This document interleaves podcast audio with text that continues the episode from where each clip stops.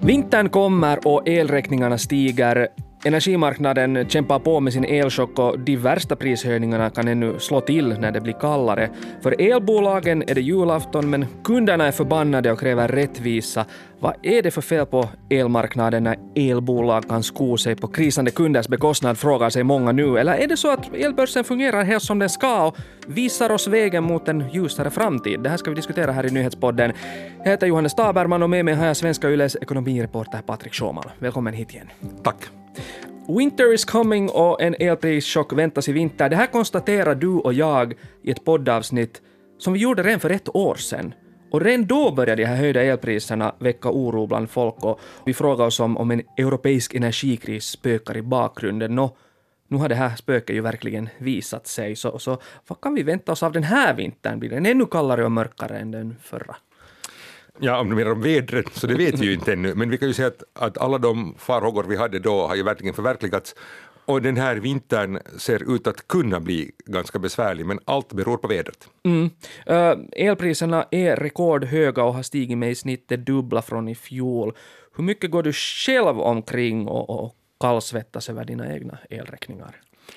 Alltså jag hör ju nu till dem som är lottade så att jag bor i ett hus med elvärme. Mm. Och det betyder ju det att, att um, jag sitter verkligen och spänner mig för vädret. Att det kommer att betyda faktiskt stora summor för mig personligen om det blir riktigt kallt långa perioder i vinter.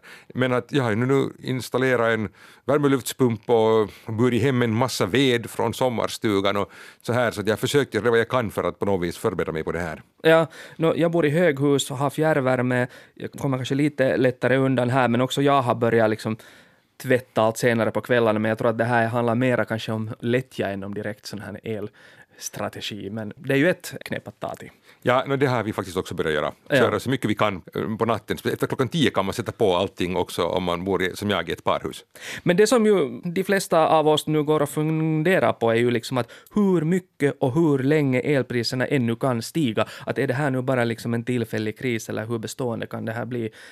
Sitter du på svaret? Knappast, men...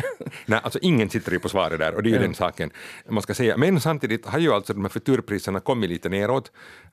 Vad är det? No, det betyder att de som tycker att de förstår sig på marknaden är inte riktigt lika oroliga nu för vintern mm. som de var, säg, i månadsskiftet augusti-september. Just det för att man har nu tyckt att väderleksrapporterna verkar spå en lite mildare vinter och, och, och så där. Men både positiva och negativa nyheter regnar här över oss hela tiden, som vi kommer att diskutera också mera idag. Och det mm. gör att det här blir väldigt svårt att bedöma på något vis. Det kan man ju säga att de här höga elpriserna som vi ser nu om man har sådana tills vidare kontrakt, så de inbegriper ju åtminstone någon form av krisbedömning från elbolagens sida. Så de säger också någonting om ungefär hur de ser att det kommer att vara. De försöker ju ta höjd lite här, men förbehåller ju sig också rätten att höja priserna. Så att någonstans är det kanske så att det är finns orsak att vara lite orolig, kanske inte riktigt lika panikslagen som i början av hösten, men här finns många orosmoln tyvärr också ännu. Ja, jag tänkte på det här hela tiden när det här elpriset är så kopplat till vädret. Kanske vi borde utöver att bara visa väderkartor i nyheterna också börja ha några elpriskartor för att kunna följa med allt som påverkar elpriset hela tiden, för det är ju mycket. Uh, en sak som ju påverkar är ju det att det nu är klart att kärnkraftverk Olkiluoto 3 Starten för det drar ut ännu mer på tiden och kan köras igång tidigast i januari nästa år. Hur kommer en sån här sak att kännas av i plånboken helt och märkas i, i våra elräkningar?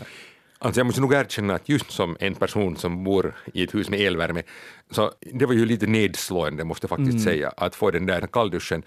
Uh, ingen kan ju säga nu i cent per kilowattimme vad det kommer att betyda, men det är alldeles klart att effekten kommer att vara höjande ja. för oss alla. För det var ju ändå tänkt att det här kraftverket skulle kunna stå för till och med drygt en tiondel av mm. vår el. Och under hösten har vi klarat av att spara ungefär 8 procent. Så ungefär motsvarande? Ja, det skulle motsvara, men nu när vi får de här riktigt kalla dagarna och alla hus med elvärme ändå måste värma på ett sätt som man kanske inte har behövt göra under hösten, så den här hela paletten är svår att hålla reda på. Men, men klart är att inte var det bra nyheter från Olkiluoto. Nej, och, och, och det har nog inte överlag kommit så mycket goda nyheter så där från elfronten nu under hösten. Elbolagens kundtjänster fylls nu till bristningsgränsen av flyförbannade kunder eh, som anser att elbolagen skor sig på, på deras bekostnad och, och myndigheterna utreder som bäst om just elbolagens enorma prishöjningar går att motivera. Och, och, när man lyssnar på elbolagen så verkar de alla peka på varandra men alla andra höjer. Och, och i mina öron låter det här på något sätt som någon form av omvänd marknadslogik. Liksom att, att, att varför inte erbjuda i ett sånt här läge lite lägre priser till kunderna så blir man extra attraktiv. Det där är en mycket bra och dessvärre ganska komplicerad fråga. Jag ska försöka fundera vad jag ska börja nysta upp det här. Eh, du har alldeles rätt att man tänker sig att så där borde det vara. Mm. Um, nu är vi bara i ett sånt läge att det finns brist på el. Och då blir det ju alltid liksom lite säljarens marknad. Mm. Och så har vi det problemet att elbolagen också har ägare och i värsta fall aktieägare liksom på, på marknaden och då måste man kunna motivera sin logik till sina ägare och där finns också en marknad. Liksom, om man har ett bolag som gör bra vinst så köper folk aktierna och annars så sjunker aktien i värde. Så man ska hålla både kunderna och ägarna nöjda? Ja, och är det kommunen som är en ägare så kanske kommunen kan tänka sig att göra mycket gott med de här pengarna. För medborgarna är inte heller hemskt intresserade av att de här vinsterna minskar jättemycket. Och då är det svårt att gå och säga till sina ägare liksom att om grannbolaget tar så här höga priser, varför ska just vi sänka så här mycket? Ja. Och det här blir en sån här fälla där man inte kanske lyssnar riktigt mycket på kunderna. Många funderar ju liksom att hur de här chockartade prishöjningarna är möjliga. Har elmarknaden gått sönder eller fungerar den de facto helt så som det är meningen att den ska fungera? Ja, och här svarar jag jo, nej. Det, det, det är komplicerat med andra ord.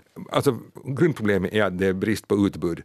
Men då har vi ännu ett system, den här marknaden, hur den fungerar, var egentligen en jättestor andel av elen säljs på en sån auktion dagligen, man bestämmer liksom dagen innan. Men det, är liksom en sån här, det är den här nordiska elbörsen. Nordiska elbörsen, precis. Och där fungerar det ju dessvärre så att eh, det är den dyraste elen som bestämmer priset på all el. Så att om någon måste köpa fossil el som nu är jättedyr, så då stiger priset. Och då kan alla som kanske har ett fungerande gammalt kärnkraftverk eller ett vindkraftverk som producerar el mycket billigare åka snålskjuts på det här och sälja till samma pris. Så att marknaden fungerar på ett sånt sätt att den liksom förstärker de här kasterna. Mm. Och i en situation var utbud och efterfrågan har varit mer i balans, som vi varit, haft tidigare, har det här varit ett ganska bra system för det stora problemet är att du inte kan lagra el. Därför måste du liksom ha ett sånt komplicerat system. Man måste komma åt det här att på något vis få utbud och efterfrågan att mötas så att det hela tiden produceras exakt den mängd el som faktiskt behövs. Mm. Men nu när vi har en sån här chock på marknaden på grund av det här kriget i Ukraina. Det ska alltså sägas här nu att man kan tycka vad man vill om elbolagen men grundproblemet finns i det här kriget i Ukraina och de här motsättningarna mellan nu Ryssland och resten av västländerna. Och, och de ryska gaskranarna som stängdes. Som stängdes och, och, allt det här. Ja. Så där är roten till allt det här onda.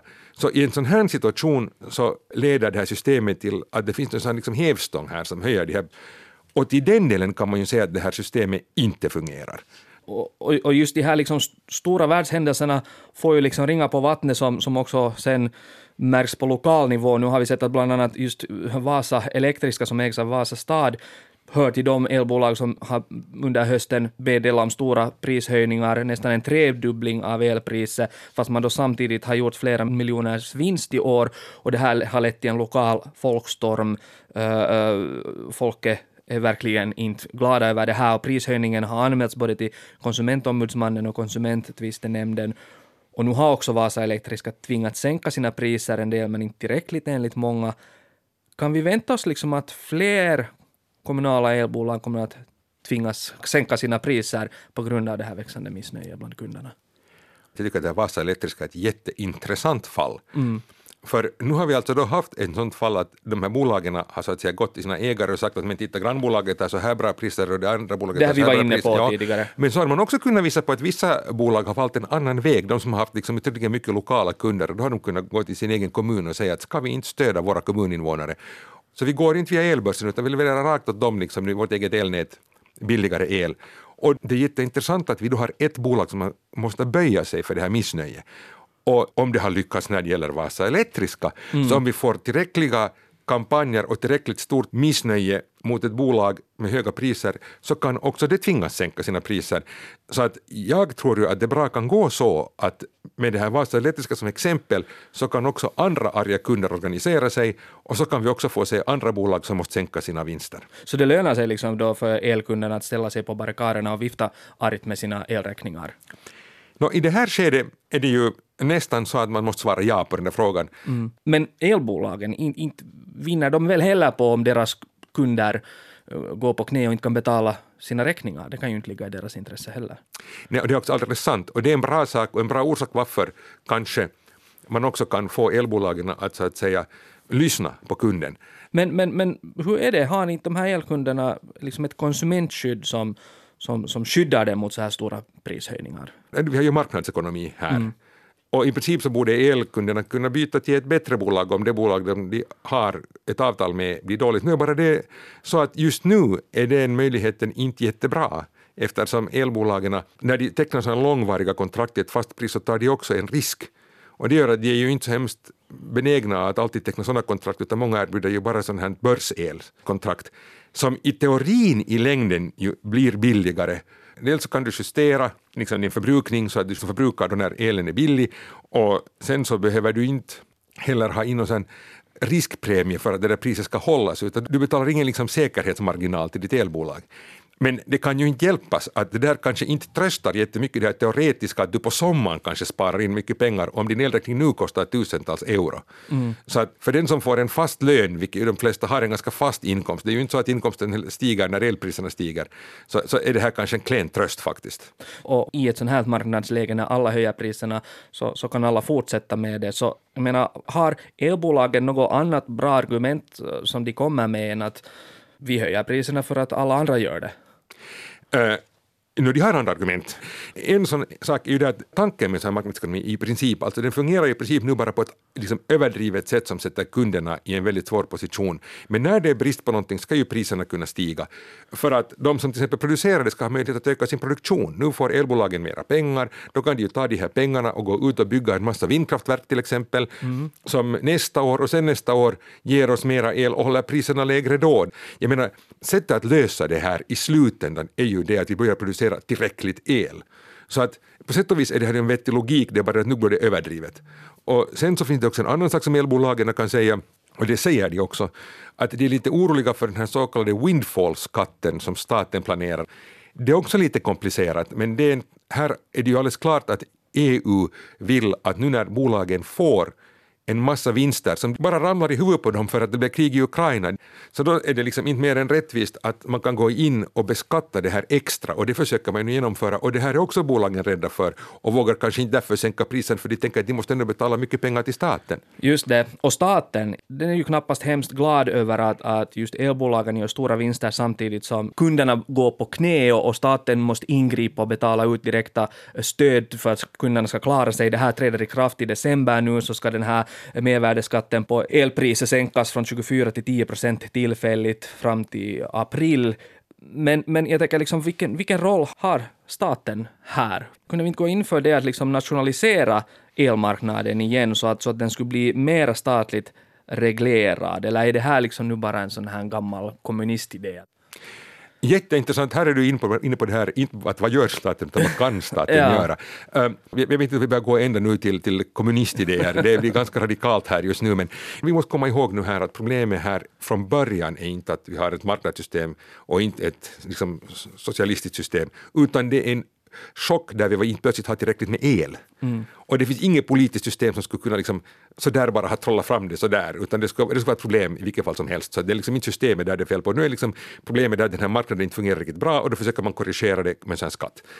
Men förstås skulle staten kunna göra mera. Mm. Jag menar i teorin, om jag nu sätter på mig en liten propellerhatt här, så kan vi ju se till exempel att om vi bygger ut en massa vindkraft så är ett problem också det att då behöver vi hemskt mycket bättre fungerande elnät. För att som vi vet, vindkraft kommer det när det blåser och då blir frågan vad gör vi när det inte blåser? Då det vanligaste svaret är att vi använder vattenkraft. Vattenkraft fungerar ju så att det rinner hela tiden ner vatten i någon slags sjö och sen när det blir brist på el öppnar man en kran till ett kraftverk och när det inte behövs el stänger man bara kranen och då rinner det mera vatten och man sparar hela tiden mera reserver. Det är som ett stort ellager, det där vattnet som ligger där. Mm. Problemet är att Finland är ett platt land, så vi har inte så mycket fallhöjd. Vi har mycket vatten, men det ligger där var det ligger och det är inte så lätt att få det att rinna med stor kraft genom ett kraftverk. Så är det inte i Norge. Vi har massor av vatten i Norge, men om vi inte har bättre ellinjer mellan Norge och Finland till exempel så kan vi inte alltid importera massa el därifrån när det är vindstilla här. Och det här är liksom bara ett exempel på det. kan också handla om att det är vindstilla här men det blåser i Skåne till exempel. Men alltså den här överföringen ja, är avgörande ja, för framtiden. Ja, och då säger jag, här skulle staten till exempel kunna säga till exempel att men, i år bygger vi inte flera vägar. Alla pengar som vi tänkte sätta på vägar så sätter vi nu på att bygga sådana elnät. Om man lite tänker utanför lådan så, så just sådana här stora saker och liknande eh, så skulle staten kunna på något vis bidra till för att försnabba den här förändringen som vi nu står inför. Mm. Just nu är ju många chockerade över de sky, skyhöga elpriserna och oroade över hur de ska liksom klara sig genom vintern så att säga. Men, men om vi zoomar ut så, så vår vindkraftskapacitet växer fort. Vi har lyckats sänka vår elförbrukning betydligt här under hösten och dessutom finns det allt mer liksom tekniska lösningar för att kunna utnyttja just den här växande andelen billig börsel, till exempel just på natten som vi var inne på, så går vi ju in, trots allt mot en lite ljusare framtid. Alltså vi ser en massa lösningar och vi ser en väg framåt. Och den ser ju ut ungefär så att också om vi idag till exempel måste öka våra eh, växthusutsläpp och lite försämra klimatförändringen nu så kommer vi ändå att gå över till en mycket renare elproduktion. Vi kommer att ställa om vår produktion och bli liksom mycket mer miljövänliga och ändå få el mycket snabbare än det var tänkt tidigare. Och det kommer att komma den dagen då Finland producerar tillräckligt med el och då vi till och med kanske kan exportera el, så ser man ju idag att det kommer att vara. Den här vintern är svår, eh, kanske ännu nästa, men det kommer att vara mycket bättre.